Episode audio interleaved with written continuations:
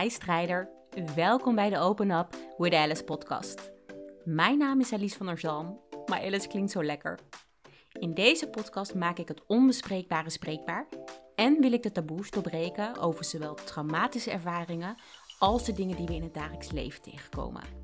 Ik neem je mee in mijn reis en ook in die van andere strijders om jou te laten zien dat een droomleven voor iedereen mogelijk is.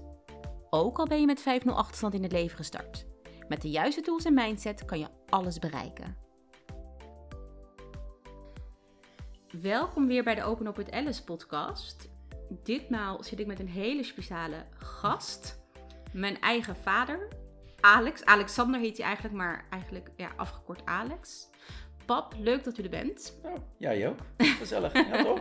ja, ik vind het ook wel gezellig dat u een keer langs, uh, langskomt uh, hier uh, op, de, op de cola. Geen thee of koffie, maar cola. Helaas. Sorry.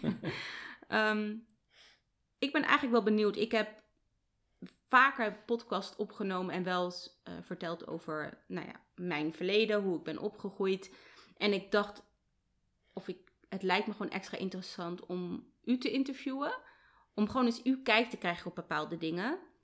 En wat voor mij heel erg belangrijk is in deze podcast, en ik had het u net ook al verteld, maar ook even voor de luisteraar.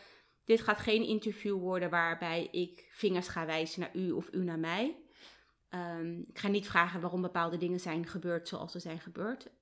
Maar ik ga u vooral vragen naar uw ervaring over bepaalde nou, dingen die in ons verleden zijn gebeurd. Hoe u het heeft ervaren en wat het met u doet als vader om dingen mee te maken met uw, nou, vooral dochters dan om het zo te zeggen. En mag ik u eigenlijk eerst vragen van waarom heeft u ja gezegd om hier voor de microfoon te komen zitten terwijl u weet dat iedereen dit kan luisteren straks? Ja, ik heb er geen idee van. En ik denk dat het wel nuttig is, ook misschien voor andere mensen, om de ervaring mee op te doen. En ja, ja als het mijn dochter goed doet, dat vind ik eigenlijk nog het belangrijkste. Ja. Daar doe ik het voor. Niet voor mezelf, maar dat mijn dochter eventueel oplossingen ziet in bepaalde dingen. Ja. Ik vind het mooi dat u dat zegt, want deze microfoon die hier staat, die heb ik die heeft Ino natuurlijk uitgekozen. Maar die heeft u samen met Ino en met mama en, en Sietske, de vriendin van Ino, natuurlijk voor mij gekocht voor mijn verjaardag. En ik zeg altijd, um, ja, hoe ik het een beetje ervaar is, aan de ene kant heb ik soms het gevoel dat mijn ouders mijn stem vroeger hebben afgepakt door alles wat is gebeurd. Maar door die microfoon hebben jullie me ook weer mijn stem teruggegeven, omdat ik nu kan praten. Ik kan mijn verhaal vertellen, mijn verhaal, Laura haar verhaal. Dus voor mij is deze microfoon denk ik het mooiste cadeau wat u mij ooit heeft gegeven. Oh, nou, blij te horen. Niet het duurste cadeau, maar wel het mooiste cadeau. ja. Um, ja, ik, ik heb een aantal vragen opgeschreven. En ik ben zelf nog een beetje zoekende van, ga ik al die vragen achter elkaar stellen of maak ik verschillende afleveringen? Weet ik nog niet. Dat komt straks wel als ik alles ga editen. Maar ik ga gewoon beginnen met de eerste vraag. We hebben natuurlijk de vragen samen al doorgenomen, dus u weet wat er aan gaat komen. En we kijken gewoon even per vraag van wat er bij u opkomt en hoe lang zo'n vraag ongeveer duurt. Waar ik eigenlijk wil beginnen is een beetje als we teruggaan naar mijn jeugd. Ik denk dat ik ongeveer 12 was. Uh, dat ik uit huis werd geplaatst naar een kinderthuis in Hoek van Holland. En ik ben vooral benieuwd, u als vader, of als, hè, als ouders, maar dan u nu als vader, hoe u het heeft ervaren toen ik uit huis werd geplaatst. Ja, dat was natuurlijk een vreemd gevoel als eerste. Je mist ineens toch een dochter, laat ik het maar heel simpel zeggen. En ja, ik vond het niet leuk, hmm. maar ik denk dat het op dat moment wel een goede beslissing was. Alleen later heb ik wel gehoord dat, dat daar in het huis ook niet alles voor je was. Maar goed, dat heb ik later gehoord. Maar we hebben het wel als gemis gezien. Tenminste, ik heb jou als gemis gezien. Laat ik het maar zo zeggen. Ja. Ik denk ook dat het belangrijk is dat alles wat u aangeeft, um, hè, u zegt ook van we hebben toen gewoon de keus gemaakt om dat wel te doen, omdat dat de beste keuze lijkt. En nou, ik denk dat, dat niet helemaal onze keuze, ja. maar het was van jeugdzorg die zei van dat dat ja. het beste was. En ja, toen hebben we dat gedaan. Ja, niet met plezier, laat ik het maar zo zeggen. Ja. Maar ja, ja, je maakt een keuze en later blijkt of die goed of niet goed is geweest. Ja. ja, soms moet je natuurlijk ook wel. Hè? En soms moet je misschien zelfs tot ze twee ja, twee minder... kwade kiezen. Ja, ja. ja, ja. En dan neem je de minst, minst kwade oplossing. Ja. Kunt u zich nog herinneren dat u me die dag daarheen heeft gebracht naar het kinderthuis in van Holland? staat me nog heel goed bij. En dat viel niet mee. Nee, hè? Nee, nee. En ik weet wel, dat is toen nog zat geregeld voor je. Want je moest toen naar de logopedie ook nog toe, is geregeld. Ging je moeder nog iedere keer voor rijden. Ik heb iedere keer voor de buskaartjes gezorgd. Dus we hebben heel veel dingen toch gedaan. Ondanks dat het niet nodig was, hebben we het allemaal wel geregeld. Ja. Want we voelden ons daartoe wel toe verplicht. Ja, om toch nog als ouders bepaalde zorg Juist. te dragen. Ja, Ja, ja. Ja. Maar wel lastig, denk ik, als u dan uw dochter gaat wegbrengen en u weet van ja, ze gaat nu gewoon op 12-jarige leeftijd uit Ja. huis. Dat lijkt me dan wel heel raar. Dat was ook niet leuk. Dat was echt, eh, ja, dat hoort pas eigenlijk met 22 of zoiets te gebeuren. Maar niet met Ja. 12. Het was gewoon 10 jaar te vroeg. Maar Ja. die keuze was er gewoon even niet. ja. Ja, want u geeft aan dat dat toen lastig was. Hoe, hoe heeft u dat dan bij uzelf ervaren dat dat lastig was? Nou, als je thuis kwam, eh, dan mis je gewoon iemand. Laat ik het Mm. gewoon heel simpel zeggen. En eh, ja, allerlei dingen, dat mis je gewoon. Van, ja, je had er nog wel twee dan thuis, maar Mm, dat is toch anders. Ik bedoel, laten we zo zeggen, ieder kind had zijn eigen karakter. En ja, Alice had toch een bepaald specifiek karakter. en ja, dat miste ik best wel. Laat ik het heel simpel zeggen. ja, ik had een aanwezig karakter, denk ik. Mogen we daarop houden? Ja, daar mag het op houden. Ja, behoorlijk aanwezig. Ja, En als je dat ineens niet meer hebt, is het toch ja, een stilte waarvan je denkt van ja, eigenlijk mis je dat. ja. Ja, Misschien een, een wat diepere vraag, maar voelde het een beetje als falen als vader om dit mee te maken of niet? ja falen.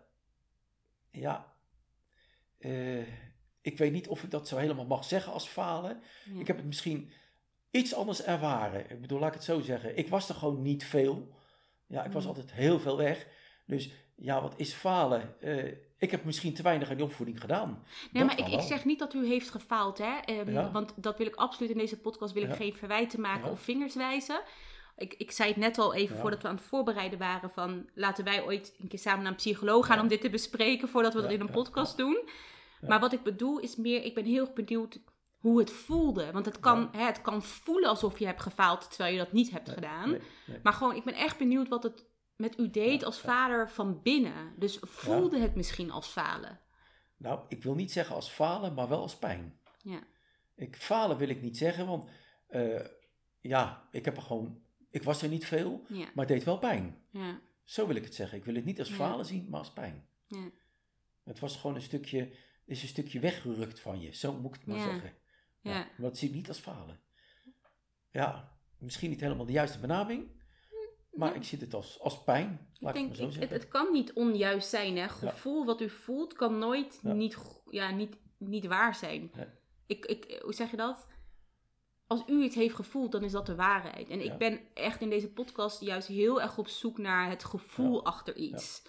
Dus niet achter de, de. Ik ben niet op zoek naar de, naar de feiten. Wat, wat is nou wel precies en wat is niet precies gebeurd. Maar echt gewoon naar de gevoelens achter Mhm. Ja. de bepaalde dingen die zijn. eh, ja, die wij hebben meegemaakt eh, samen. Eh, want dat was denk ik wel, dat zijn wel, is wel een van de dingen die mij heel erg is bijgebleven. Dat ik inderdaad op een hele vroege leeftijd het huis was geplaatst. En eigenlijk hoe u het omschrijft, zo heb ik het ook wel ervaren. Ik weet dat ik nog dat ik werd weggebracht door, door u en mama. En dat ik ook echt nou, daar heel verdrietig was en boos was. Ehm, en boos op mijn kamer ging zitten. Voor mij voelde het toen als kind als ik word in de steek gelaten. Dat is hoe het voor mij voelde. Ja. En daardoor is het nu extra interessant om vanuit u te horen. En ik hoop ook dat ik een keer uit van mama te horen. Dat het voor jullie ook heel moeilijk was. Want je wil je kind niet in de Nee. steek laten. Maar ja, je moet voor je gevoel bijna wel. Want je moet een keus maken. Het was ook niet mijn keuze. Ja, in feite. Maar ja, als het van jeugdzorg wordt gezegd dat het beter Ja. is en enigszins dwingend opgelegd, laat ik het maar zo zeggen, Ja. heb je geen keus. ja. Dus ja dat, is voor, dat is hoe het voor u voelde. Van ik heb eigenlijk geen keus. Ik ga hier gewoon in, eh, in mee. Ja, ja, ja, ja. Nee, maar het is interessant denk ik om te kijken van... Hè, wat heeft u erbij gevoeld? Wat, wat heb ik daarbij gevoeld? En helemaal denk ik nu op latere leeftijd... dan kan je natuurlijk... kan ik ook anders naar de situatie kijken. Hè? Als kind, ja, dan zie je alleen maar... mijn ouders laten me in de steek. Nu als volwassen vrouw kan ik natuurlijk ook naar de situatie kijken... vanuit een ander oogpunt. En ook zelfs begrijpen waardoor bepaalde keuzes natuurlijk zijn gemaakt. Ja. Had u, had u toen verwacht, toen ik uit huis werd geplaatst, dat we nu zo goed contact met elkaar zouden hebben? Eh, nou, in principe heb ik denk ik altijd wel redelijk goed contact gehad met jou. Dus Eh, daar heb ik nooit over getwijfeld. Ja. Dus in die zin heb ik altijd contact gehad. En misschien met andere dingen goed contact.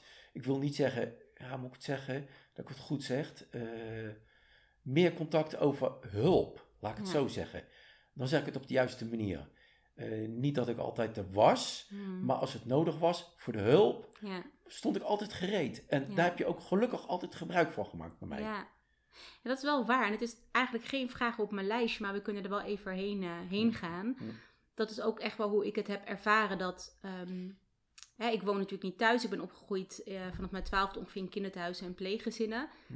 En ik kwam vaak in situaties, naar onveilige situaties terecht. En ehm, als het echt te onveilig werd, of het was echt te heftig, dan kon ik u bellen. Ja. En waar ik ook was, u kwam me midden in de nacht halen. Ja, klopt. Of Ja. als er echt geld nodig was. eh, het is niet dat ik eh, 10.000 euro's kreeg, maar ik, ik krijg altijd wel geld om of Ja. iets van kleding te halen of iets van eten te halen. Die, die basisveiligheid, die heb ik altijd van, vanuit u inderdaad ervaren. Ja. Ehm, maar ook daarin, als ik daarnaar kijk, ben ik wel benieuwd. Het lijkt mij heel lastig als vader, als dan uw dochter, nou ja, van hoe oud was ik? Misschien soms 15 als ik half op straat aan het, aan het zwerven was. eh, of weer in de verkeerde situatie zat. Lijkt me dan heel lastig als vader dat je dan wordt gebeld van ja, kunt u me hier halen? Wat, wat, wat deed het dan met u als ik belde? Nou, dan was ik blij dat je belde, Ja, want dan kon ik je helpen. ja, Want ik wist ook niet altijd waar jij zat. Ja, En eh, als je natuurlijk vanuit het huis ergens naartoe ging, of maakt niet uit waarvan, kon ik niet altijd weten waar jij was. Want Ja. jij vertelde dat ook niet. Nee. En ja, dan kwam ik ineens later achter. En ja, ja, dan ging alles opzij. Hmm. Dus dat heb ik altijd gedaan. Ik bedoel, nou ja, goed, dat Ja. weet je zelf wel. Eh, eh, toen je ook nog naar Delft ging, iedere dag. Nou, wie bracht je eens wat iedere dag? ja, Ja, ik moest van mijn werk speren naar jou toe, wegbrengen en dan weer naar mijn werk. Ik heb van diverse mensen gehoord die zeiden zo, je gaat altijd even half drie weg en dan ben je weer half vijf Ja. terug. Ik zei, dat doe je toch maar iedere dag? Ik zei, ja, Ja. maar het is mijn dochter en ik wil gewoon dat ze goed terecht komt. Ja, misschien wel even handig om te vertellen dat van Delft, ik zat op, Na- in Naaldwijk zat ik op school op een speciaal onderwijs, de Lonschool genaamd. Hm. En Delft was het Bordaas-centrum en dat is eigenlijk voor kinderen die uit school niet naar huis kunnen vanwege, Ja. nou ja, vaak een onveilige thuissituatie of een eh, niet hele fijne thuissituatie. Nou, dat is waar ik dus op zat, Hm. Ja. maar dan moest je natuurlijk wel naartoe komen. En Ja, u heeft ja. inderdaad, bracht me altijd vanuit school daarheen en ging dan weer inderdaad verder met werken. Klopt. Ja, ja, Dat heb ik heel wat jaartjes gedaan. ja. Totdat je niet meer mocht, was je te oud. Ja, ja, toen moest ik inderdaad daar weg. Nee, maar dat is wel, het is, ik vind het gesprek interessant, want eigenlijk wat ik net al merkte in het gesprek vo- voordat we waren begonnen met de podcast en nu, is dat u ook heel graag aan mij wil vertellen dat u heel veel voor mij heeft gedaan. Ja. Dus hè, er zijn misschien heel veel dingen anders gegaan, anders dan ik had gewild, anders dan u misschien ook wel had gewild.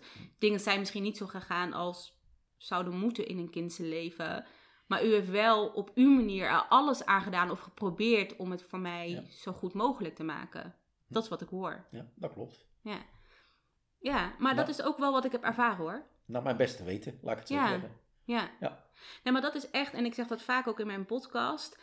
Kijk, soms heb je ouders of soms hoor je wel eens verhalen op tv dat kinderen zijn mishandeld en eh, misbruikt. En dan zijn het echt van die slechte ouders met slechte intenties. Hm. Ik heb bij jullie, en dat meen ik oprecht, ook bij mama, ook bij u, nooit het gevoel gehad dat het kwam uit een slechte intentie van ik ben een slecht mens en ik ga nu Ja. mijn kinderen pijn doen. Ik heb altijd het gevoel gehad dat het kwam uit het on- onwetend zijn. Onmacht. Ja, onmacht, onwetend. En dat er echt wel een goed hart onder lag. Want dat is ook de reden dat ik één met jullie nu nog contact heb. En ook dat ik deze podcast opneem. Ik zou deze podcast niet met iemand opnemen die gewoon een met iemand die het oprecht slecht met iemand voor heeft. En dat vind ik wel belangrijk om te vertellen. Want ja, ik vertel heftige verhalen over mijn verleden en over mijn moeder en over mijn vader. Maar het zijn wel, het zijn mijn ouders. Mijn vader zit tegenover mij. Hij doet dit toch maar wel voor mij. Ja. En dat vind ik echt belangrijk om te blijven benadrukken. Dat, dat, je, dat mensen misschien soms verder mogen kijken dan verhalen. Want het is natuurlijk heel makkelijk hè. Ehm, ik zit ik een voorbeeld kan geven. Ik heb wel mensen in mijn omgeving die dan zeggen van... eh, hoe kan je nog met je moeder omgaan? Ik haat je moeder. En dan denk ik, ja, maar kijk eens verder dan alleen haar daden. Ja. Kijk eens naar wat, wat- hoe zij zich voelt. Kijk eens naar haar intenties. Ga het gesprek eens aan met iemand. Leer iemand eens echt kennen, want dan zie je soms dat er inderdaad onmacht onder zit. Ja. Dus ik hoop inderdaad ook met dit gesprek wat wij nu hebben, Hm. en er komen nog wel wat vragen, maar ik hoop ook met dit gesprek dat mensen dat ook tussen ons kunnen voelen. Dat we van elkaar houden als, a- als vader en dochter. En dat we het ook oneens mogen zijn over het Ja. verleden wat er is gebeurd. Ook dat mag bestaan. Ja. Ook dat kan bestaan, Ja, denk zonder ik. meningsverschil kom je er niet. Nee. Nee. Dus En stap voor stap, hè, wat wij ook zeiden, van deze podcast gaat nu niet het gesprek worden over waarom heeft u A, B of C gedaan. Deze podcast gaat over uw gevoel. En wie weet dat we op een dag wel zo ver zijn dat we wel dat gesprek kunnen aangaan op de podcast. Maar nu nog niet. En dat is oké. Ja. Even een stapje verder. We hebben het uh, gehad over de uithuisplaatsing, hoe dat is geweest. Maar waar ik ook heel erg benieuwd naar ben, want dat is een andere grote gebeurtenis in ons leven geweest, is Laura. Laura is mijn zus. Laura is de oudste. We hebben Laura, nou, Alice en Ino. Ehm, mijn zus is natuurlijk overleden. Daar heb ik trouwens laatst een podcast over op, opgenomen. Uh, maar zij is overleden aan, nou ja, wat ons werd verteld, in ieder geval aan depressie, aan zelfmoord. Of ik dat helemaal geloof is een ander verhaal, maar dat is ons verteld. En ik ben wel benieuwd. Hè, ik heb natuurlijk als zus meegemaakt en ik weet wat het met mij tot de dag van vandaag doet dat mijn zus nou ja, zelfmoord heeft gepleegd. Maar wat, wat deed het met u het moment dat u dat belletje kreeg? U was in Duitsland met mama en de politie belde volgens mij om te vertellen dat Laura was overleden. Ja. En volgens mij, wacht, ik moet even terug. Ik belde u nog ervoor, want ik stond voor Laura's deur. Ik kreeg haar deur niet open en ik belde u, want ja. Uh, ik, ik zeg altijd, mijn vader is elektricien, dus die weet alles. Dus als de deur niet open gaat, dan moet ik mijn vader bellen. En ik belde u om te zeggen dat ik het niet vertrouwde. Ja, dat klopt, ja. En toen, hoe, hoe, hoe, ging nou, dat bij u in uw hoofd? Uh, ik had toen nog helemaal geen gevoel over Laura. Ik zag, dacht alleen, misschien heeft Laura de sleutel aan de binnenkant van de deur laten zitten. Dat mm. gebeurt wel eens, dat je de sleutel in de deur laat zitten. En dan kan je de deur niet open krijgen. Dus mm-hmm. ik wist niet of ze misschien ja, laat is op geweest als ze wat later opstaat. Dus ik ging er eigenlijk vanuit dat ze nog lag te slapen. Ja. Dat heb ik toen tegen je gezegd. Ja. Ik zei, probeer even wat later te bellen. En ja, toen later heb jij dus nog een keer gebeld. Ja, toen uiteindelijk is de politie gekomen. Die kreeg de deur wel open. Ja. Ja, ja ik, ik, wist natuurlijk dat Laura depressief was. Ja. Um, daar liep Laura niet mee te koop. Dus ik weet dat mama het bijvoorbeeld niet nee. wist. Hij tegen um, mij is dat ehm, niet verteld. Nee, ja, ik heb het wel eens met u kort over gehad. Ja, maar, je hebt het wel eens gezegd Ja, maar het was heel... Hè, en dat is misschien wel handig om te zeggen. Mijn zus is ja, korte tijd... Ja, depressief geweest, hoe noem je dat? Ze heeft het um, een paar weken voor haar overlijden heeft ze het gezegd dat ze depressief was. Daarvoor wist, wisten wij het in ieder geval niet. Hm. En zij vrij, vrij, vrij, snel is daar, nou ja, heeft ze dat besluit gemaakt om uit het leven te stappen. Of dat is dan, ons dan verteld door de, door de politie. Hm. Maar inderdaad, ik belde toen ik voor haar deur stond, dat de deur niet open ging. Ik ben toen naar de buren gegaan en um, heb daar het ook aangegeven. En toen heb ik de politie gebeld. Ja. En toen heb ik bij de politie eigenlijk, net, eh, nee, bij de buren netjes gewacht tot de politie kwam. Toen is de politie gekomen die... Uh, ja, dat was het raar hoor, pap. Want de politie deed de sleutel erin en de deur ging in één keer open. En dat is waardoor er bij mij ja, twijfels zijn of er niet iemand in huis is geweest. Omdat, hoe kan dat, dat die deur in één keer open nou, ging? Daar heb ik ook nog... Eigenlijk twijfel ik daar nog steeds aan. Oh, wauw, dit wist ik niet. Ja, ik heb zo'n idee. Ja. Ik kan het nergens op bewijzen dat dit die ene jongen geweest is die toen in de wondel, ja, nou, in die bepaalde straat. Ik, ik, ik, weet wat u, ja, laten we geen namen of straatnamen noemen. Ik zou het het liefst ook willen, maar, maar nee. laten we het netjes houden. Maar daar heb ik nog steeds mijn twijfels over. Ik, Nogmaals, ik kan het niks bewijzen, want de politie heeft het tegendeel gezegd. En ja, daar moet ik het mee doen. Maar mijn gevoel zegt, ja. Ja, ik weet het niet zeker. Want ik heb natuurlijk treinkaartjes gevonden dat ze zes uur nog s morgens weg geweest is. Ja, die heb, ik, die heb ik gevonden, die heb ik u laten zien. Ja ik moet zeggen dat, het, dat ik een beetje emotioneel ben omdat u dit uitspreekt. Omdat ik laatst heb ik een podcast online gezet over dit onderwerp. Ja. En ik dacht eigenlijk dat jullie daar niet zo over dachten. Uh, dus ik ben toch blij dat we dit. Oh, gaat een geluidje af, maar dat is mijn telefoon. Dus ik ben toch blij dat we dit toch nu bespreken. Maar. Dit is voor mij ook tot de dag van vandaag twijfel ik of er niet iemand in huis is geweest. Omdat inderdaad, nou, twee treinkaartjes. Dus één treinkaartje was naar Soetermeer. En twee treinkaartjes terug. Ja. Nou, de politie heeft dit niet uit de tas gehaald. Dus ik vraag me af of de politie dit heeft gezien. En het werd ook heel snel op zelfmoord gegooid. Doordat ze... Um, nou, één, hoe ze haar gevonden hebben met een verlengsnoer om haar nek. Maar twee ook, omdat ze blijkbaar op haar computer had opgezocht hoe je zelfmoord kon plegen. Maar ja, dat kan ook door die. Ik wil net zeggen, als je een beetje slim bent en je wil iemand iets aandoen, dan, zoek dan, dan laat je het lijken als iemand zelfmoord heeft gepleegd. Stiekem, en dat is mijn gevoel, ben ik een beetje bang dat ehm, ja, ik, ik, ik weet niet of het het juiste woord stereotypes is of aannames, maar als je natuurlijk Laura ziet, ze is gothic, ze is in een bepaalde scene. Ik denk stiekem dat mensen snel denken, oh ja, die heeft dat waarschijnlijk zelf gedaan, want dat hoort een beetje bij die, uh, nou ja, bij die scene. Maar ik twijfel ook tot de dag van vandaag of het echt zo is geweest. Ja. Maar dat, dat gaat nooit weg. En uh, dat blijft bij me zitten. Uh, nogmaals, je- er is niets te bewijzen. Want Nee. ja, de politie heeft gezegd, joh, het is goed. Eh, ja, ik heb van Ja. meerdere mensen gezegd, joh, het is zo gebeurd. Maar dat wil niet zeggen dat ik dat aanneem. Ja, Dus dat zit er nog steeds bij mij Ja. in. Van, heeft ze dat echt gewild? Ja. Is dit echt haar keuze geweest? ja. Ja, Of- betwijfel ik ook. Of is ze geholpen ermee de toedoende Ja. toedoen? Ja, eh, Ja, want het is wel heel vreemd. Met die sleutel, Ja. dat zit mij gewoon dwars. mij ook. Want Ja. inderdaad, dus de deur ging echt niet open. Ik heb er tegen aangetrapt, sleutel erin Ja. gedaan. Alsof hij op de knip zat van binnen. Ja, ja, En toen kwam de politie en toen ging in één keer open. Dus ergens heb ik altijd gezegd van... Of het is omdat iemand daar binnen was. Of, en dat is dan heel spiritueel van... Was het misschien Laura's laatste wens dat ik haar niet zo zou vinden. Want hoe zou ik er dan nu onder zijn als ik haar zo had gevonden? Stiekem hoop ik op het laatste dat het... Hè, dat klinkt natuurlijk heel sprookjesachtig dat het Laura's laatste wens was dat ik haar niet zou vinden. Maar ergens denk ik, het klopt niet. Het verhaal klopt niet helemaal. Mijn onderbuikgevoel zegt dat het niet klopt. Ik was ook die dag onderweg naar haar. Ik ehm, had autorijles en ik zou naar haar toe gaan om te werken. Dan vraag ik me af, waarom zou je zelfmoord plegen als je zusje daarna op de deur voor de deur staat? Ja, Dat is bij mij altijd heel Ja. sterk gebleven. En ja, ik heb er gewoon niks mee kunnen doen. Want ja, ja, de politie heeft het me wel gevraagd toen de tijd. Ik heb het ook gezegd dat ik het niet vertrouwde. ja, Maar hun hebben gewoon duidelijk gezegd, nee, we hebben niks kunnen vinden. Ja, ja. dan houdt het op. Ja, eh, het is niet anders. Ja, maar wel interessant dat we allebei hetzelfde gevoel hebben. Want wij hebben hier nooit over gesproken. Ja, we hebben hier wel een keer over gesproken na het dood, toen ik die treinkijkers had gevonden. Hm. Maar wij hebben samen hier verder nooit meer over gesproken. En we hebben blijkbaar allebei hetzelfde klopt. erbij. Ja.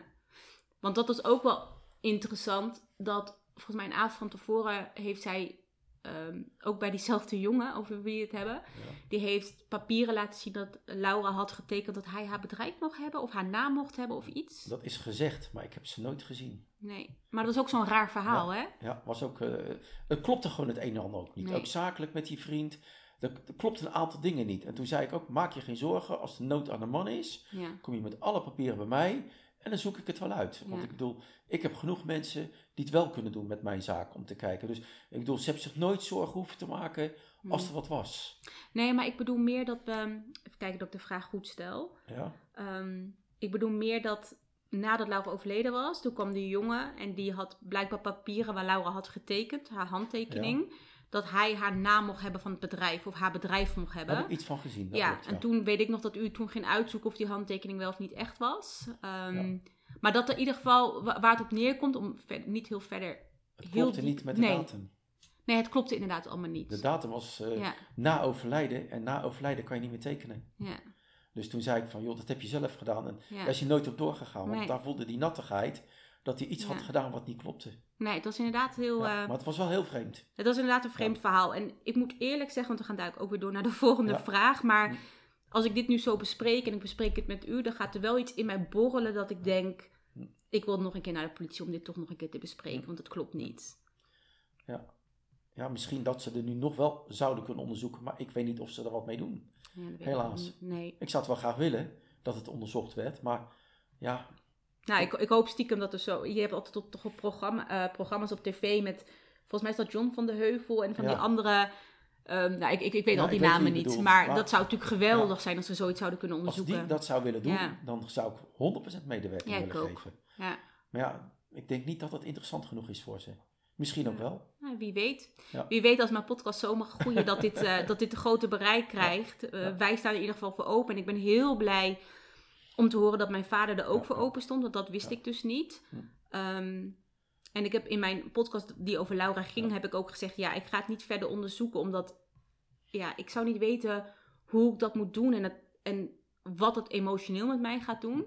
Want er gaat natuurlijk wel weer iets oprakelen. Plus, als je erachter komt dat zij geen zelfmoord heeft gepleegd, maar ze is vermoord. Ja, wat doet dat dan met je? Ja. Nou, laat ik zo zeggen, het blijft evenveel pijn doen, Ja, maar een andere manier pijn. ja dat denk ik ook. Het geeft dan een, toch een, van de Ja. ene kant een geruststelling dat het niet bij ons ligt. Ja, En ja, dat is het wat erachter zit, Ja, ik het zo zeggen. Maar heb ik ook. ja, Ja, nu is het van, ja, wat hebben wij niet goed gedaan? ja, En dan gaat dat van je af. ja. Natuurlijk, het gaat niet over, Nee. maar gaat wel een bepaalde last van je weg. Ja, het is een ander soort rouwproces waar Ja. je doorheen gaat. Ja. En ik denk dat er dan ook een soort van boosheid meer omhoog Ja. zal komen. Want je weet gewoon dat de jongen al die jaren heeft rondgelopen met wat hij Laura heeft aangedaan natuurlijk. ja, Ja, ja. ik merk dat dit onderwerp mij veel doet. En ik, ik merk ook het liefst zijn namen hier op de podcast smijten en zijn straatnaam. Want het, ik heb alles staan. Ik heb ook al Laura's dagboeken met alle verhalen erin over hem. Maar daar is deze podcast niet voor. Ehm, deze podcast is er om jou, jou te helpen en niet om daders in een bepaald licht te zetten. Ehm, ik hoop, hoop op een dag dat we wel achter de waarheid komen en dat als het zo is, die jongen wordt gestraft. Maar voor nu, om weer even terug te gaan naar het gevoel. Ehm, ik ben een beetje afgeleid hoor. Ik had niet verwacht dat we deze wending zouden nemen, maar dat maakt niet uit. Even terug naar het gevoel. Hè? Dus dat u hoorde dat Laura was overleden toen de politie belde. En op dat moment wist je natuurlijk nog niet nou, wat je nu weet. Maar hoe voelt dat dan als vader als je wordt gebeld als, als, met dat nieuws? Nou, op dat moment stort de wereld een beetje in. Want uh, nou, ik ben toen naar het hotel gegaan. We hebben toen gelijk mensen gebeld. Die hebben ons toen geholpen. En uh, ik ben niet zelf meer naar huis gegaan. Ja, want u zat in Duitsland, hè? Ik zat in Duitsland. Ja. En toen uh, hebben mensen mij naar de grens gebracht. Mm -hmm. Want ik was niet in staat om toen zelf auto te gaan rijden. Dus ik denk, nee, dat ga ik niet doen. Want ik voelde me gewoon niet meer ja. in staat. Ja. Dus uh, toen ben ik naar de grens gebracht. En van de grens hebben goede vrienden van mij mij weer opgehaald. En op die manier ben ik dan thuis gekomen. Ja. Maar dat waren hele moeilijke momenten. Dat was niet echt fijn. Laat ik het maar zo zeggen. Dat ervaar ik nog steeds. En ik kan mm. het nog steeds voor me zien. Dat gaat niet meer weg. Het is, ja. moet ik zeggen, eigenlijk zeg ik zo, uh, een kind hoort mij te overleven. Ja. Ik had eerder dood moeten gaan. Ja, niet dat ik dat dood wil, nee, maar klopt. het is normaal dat de ouders eerst doodgaan en dan Ja. de kinderen. En dat heeft mij tot de dag vandaag, voel ik het nog steeds. Natuurlijk kan ik er beter mee omgaan, Mm. want ik heb ook hulp gezocht. Mm. Ik heb ook genoeg bij de psychiater gelopen. Dat wist ik niet. Ja, heb ik dus Mhm. ook bijgelopen. Ja, eh, dit verwerk je niet. Ik bedoel, eh, ik prop veel op, maar op een gegeven moment denk ik, dit gaat niet goed met me. Want ik heb ook, denk ik, zwart een jaar niet veel met mijn werk gedaan. Ik ben best wel Mm. heel veel down geweest. Dat, meer dan dat jij denkt. Ja. De buitenwereld ziet dat niet allemaal. Maar ik heb dus ook bij een psycholoog gelopen, meerdere keren. Mm. En uiteindelijk kom je, moet ik het zeggen, je geeft een plaats. Het is niet weg, maar het heeft een plaats gehad bij mij. En nog steeds denk ik aan, want als ik nog wel eens bij de kerk loop, iedere keer denk ik eraan. Wil niet zeggen dat ik altijd het graf netjes bezoekt hoor, heus niet. Ja, het begin heel vaak, nu wat minder. Maar ondanks dat denk ik er Mm. iedere keer wel aan. Met de verjaardag. Oh, we zetten toch nog een bloemetje neer. Dus je blijft er continu aan denken. Ja. En het is nog steeds eigenlijk een gemis. Iedere keer bij de verjaardag denken we, we hadden dus met Laura kunnen zitten. Of Mm. bepaalde gelegenheden denk je, oh, Laura. Ja. Ik bedoel, we hebben foto's zitten. En nou, ik wil niet zeggen dat ik iedere dag naar kijk. Maar regelmatig kijk ik die foto's nog op de computer na. Van, Mm. ook met de zaak. Dus het, ja, moet ik het zeggen. eh, doordat ik bij die psycholoog Mm. heb gelopen, kan ik er goed, nou ja, goed mee omgaan. Ja. Maar het voelt nog steeds een stukje wat Ja. uit mijn hart ontbreekt. Ja. Dat gaat niet weg. Ja, dat kan ik me voorstellen. Voor mij is dat natuurlijk al zo. Maar als ouders, en natuurlijk ook voor mama, maar ook om, we spreken, ik spreek nu met u, dat dat als ouder natuurlijk echt Ja. voelt misschien alsof een soort van arm van je wordt weggenomen of zo. Gewoon een zo- stuk. Zo was het wel Ja. in het begin. Ja. En nog, natuurlijk de pijn, dan moet ik het zeggen, eh, die wond, die blijft. Alleen die wond doet minder pijn. Maar die wond gaat nooit meer over. Ja. Zo, zo zie ik het. Ik zie het ook nu, want ik zag net tranen achter uw ogen. ja. En weet je wat ik zo bijzonder vind, pap? Heel veel dingen wist, weet ik niet van u blijkbaar. Dat merk ik nu in de podcast. Ja, maar dit, dit doet nog steeds bij mij wat. Ja, hoor. Ja, maar, dat zie, ja, Ja, maar dat zie ik. En dat mag. Dat is, dat is, ja. Dus dat, dat, dat gaat niet weg. En eh, eh, dat heb ik ook wel eens op de computer. Dan kijk ik even en dan, Ja, ja, dan ben ik even weg. Dan eh, ben ik even, nou ook, nou ben ik ook ja, even ik- weg. wij, Ja. allebei, wij allebei. Maar dat, weet je pap, dit is het echte leven. En dit is wat ik wil laten zien aan mensen. Want ook wat u vertelt van dat u hulp heeft gezocht, ja, dat wist ik niet. Mm. Maar dit is vaak wat het is. Hè. Vaak zie je een buitenkant van iemand. En hè, als, u, als mensen naar u kijken, zie je een hardwerkende man die zich niet zo goed weet te kleden. Sorry, pap. maar een hardwerkende man ehm, met weinig emotie. Maar ook u heeft emotie. Ja. Ook u heeft blijkbaar hulp gezocht. En Ja, dat is ja. iets wat we niet zien, wat ik geen eens wist van mijn eigen vader. Daar En loop ik ook niet mee te koop. Nee, maar daardoor is het wel goed dat u het nu deelt. Want één, ik leer mijn vader beter kennen. Eh, hierdoor krijgen we hoop, ik, ik, hopelijk een hechtere band ook.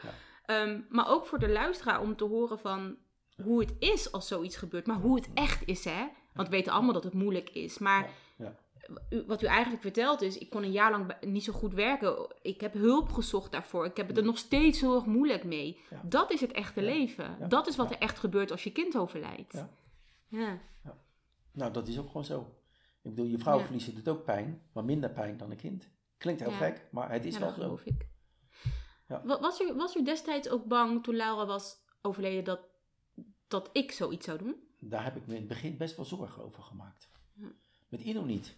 Ino was toch anders, maar over jou heb ik best wel zorgen gemaakt in het begin. Echt Ja. wel.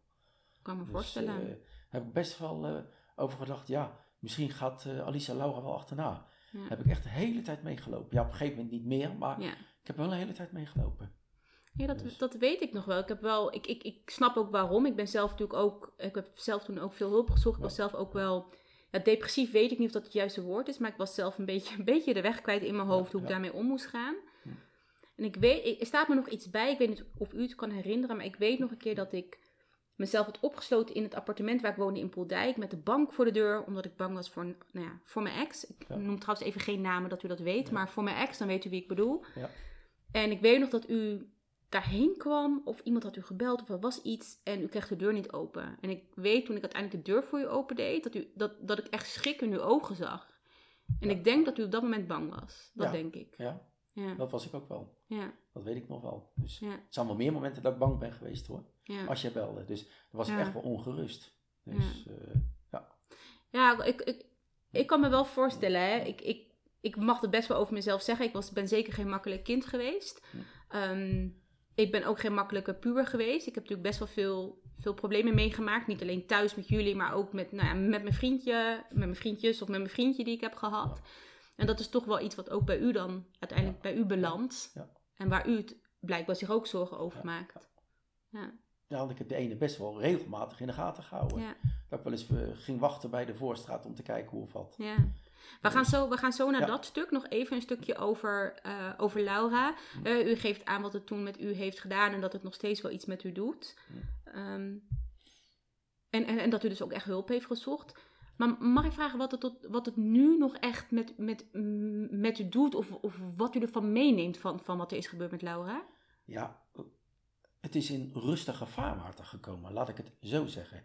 Het is niet weg, want net zoals nu heb ik het erover, heb ik het er weer moeilijk mee. Ja, En als ik naar die foto's kijk, heb ik het er ook moeilijk mee. Dus, maar moet ik het zeggen, eh, in het begin denk je er iedere dag heel veel aan. En ik wil niet zeggen, iedere dag heb je even de naam wel in gedachten. Want Mm, laatst was ik bij, want ik doe ook nog andere dingen, heet ook iemand, heet Laura. ja, En eh, op een gegeven moment zegt ze, ik ben Laura. En ineens begint bij mij dat beeld weer te spelen. Ja. Dus ik heb dat meisje aangesproken. Ik zeg, ik wil jou, met jou een keer een gesprek aan. Hij zegt, hoezo? Ja, dan wil ik nu niet sp- bespreken waar mensen bij zitten. Maar als ik je alleen heb, wil ik eens een keer wat vertellen over van waarom die Laura zo'n speciale naam is. En ja, toen heb ze gezegd, nou oké, als het zover is, dan praten we een keer met elkaar. Dus ik bedoel, het blijft Ja. altijd bij je. En zo gauw ik de naam Laura hoort, ja. dan gaat toch ineens van, moet ik het zeggen? Dat, het, dat het iets bij u doet. dat het doet. En er is ook een tv-serie, klinkt heel gek. Daar speelt iemand die sprekend op Laura lijkt. Oh, echt waar? Ja, en serieus film. eh, Oh, dan ga ik dat eens kijken. En Ja. die lijkt heel veel, ook een beetje gothic gekleed. En een beetje de ideeën, denk Mm. ik. Iedere keer als ik dat zie, denk ik Laura. Ja, Dus iedere keer, dan geeft dat gelijk weer het gevoel. ja, Ik vind het wel een leuke serie. Maar juist omdat zij daarin speelt, ja, kijk ik daar zo graag naar. Want ja, dan denk ik weer van, hé, hey, ja. dat had Laura kunnen zijn. Het is Laura niet, maar Mm. ze ziet er wel uit als Laura ook. Ja. Gothic een beetje en allemaal dat soort ideeën. denk ik, ja. Ja. Dus ik bedoel, dat gaat nooit meer weg. Je weten wat zo bijzonder is, pap? Wat u Ja. vertelt, wij lijken heel op elkaar.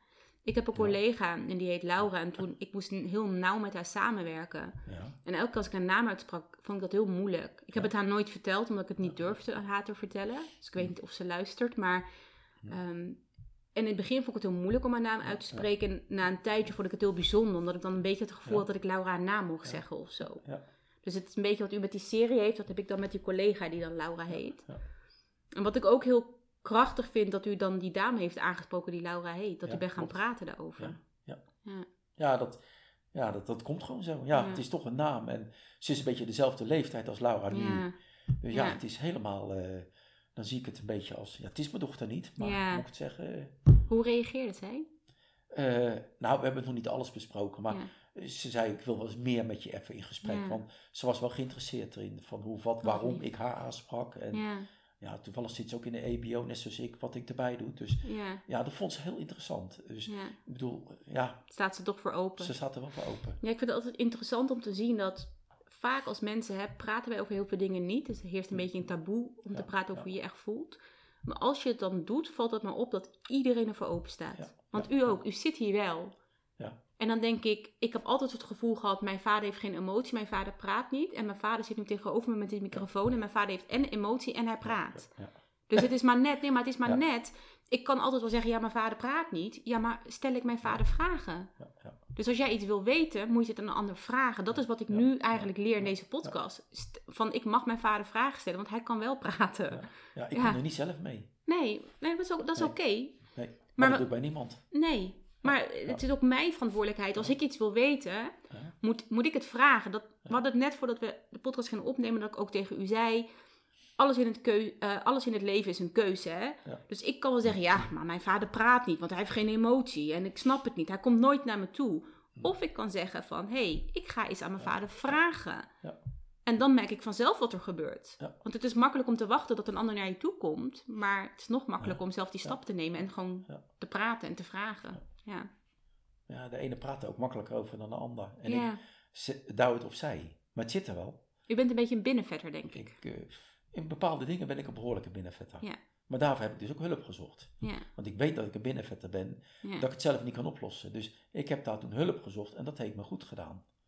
En dan kan ik het een stukje opzij zetten. Want u heeft echt hulp gezocht voor Laura, toch? Toen, toen na Laura's overlijden, Ja, denk voor ik. mezelf. Ja. Ja, omdat ik het niet kon verwerken. En dan merkt niemand het, maar ik weet dat ik het niet kan verwerken. Dus dan heb ik gewoon hulp gezocht. Gewoon iemand die mij niet kent, helemaal, buitenstaander en die ook beroepsgeheim heb. Ja. Want daar ging het mij om, want ik wilde niet alles aan de grote klok hangen. Want ik vertel dat niet aan iedereen. Ik ga niet, eh natuurlijk als mensen wel eens naar me toe komen die zeggen, joh, ik ben ook dat verloren.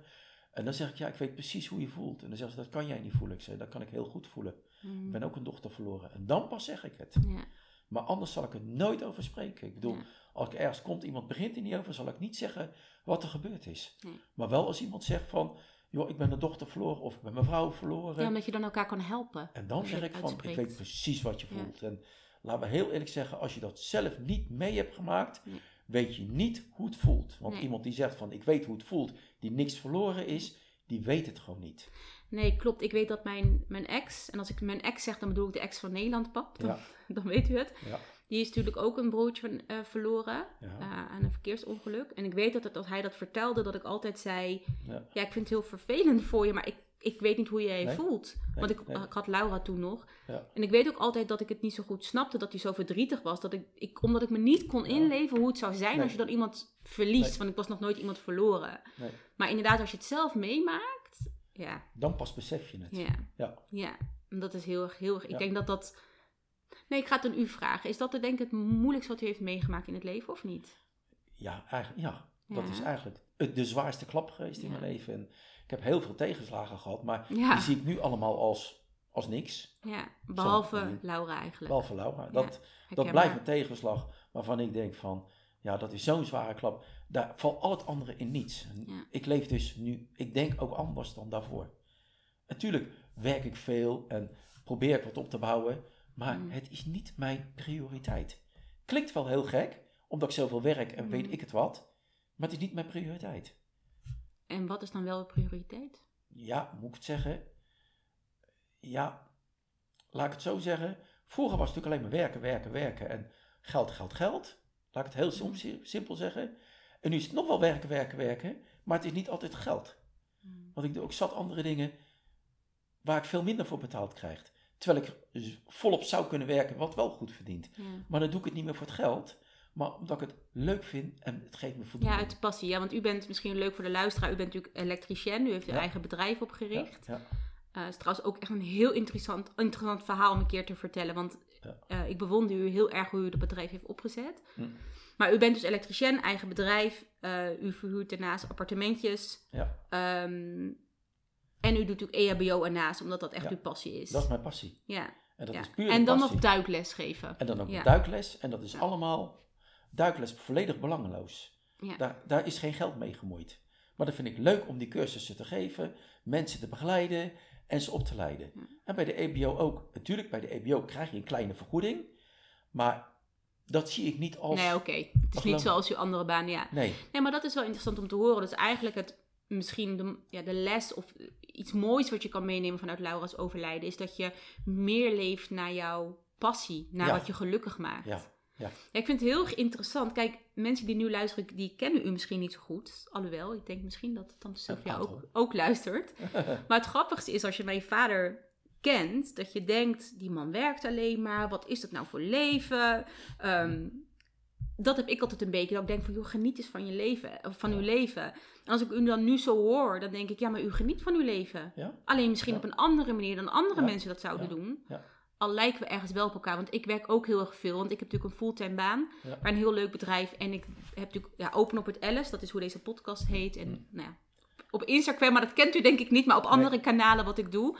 Dus ik herken mezelf wel heel erg in u in dat ambitieuze. Mm. En dat u je heel veel geluk eruit haalt. Ja. Omdat u dat leuk vindt. Ja, mooi. Mooi, mooi om te horen.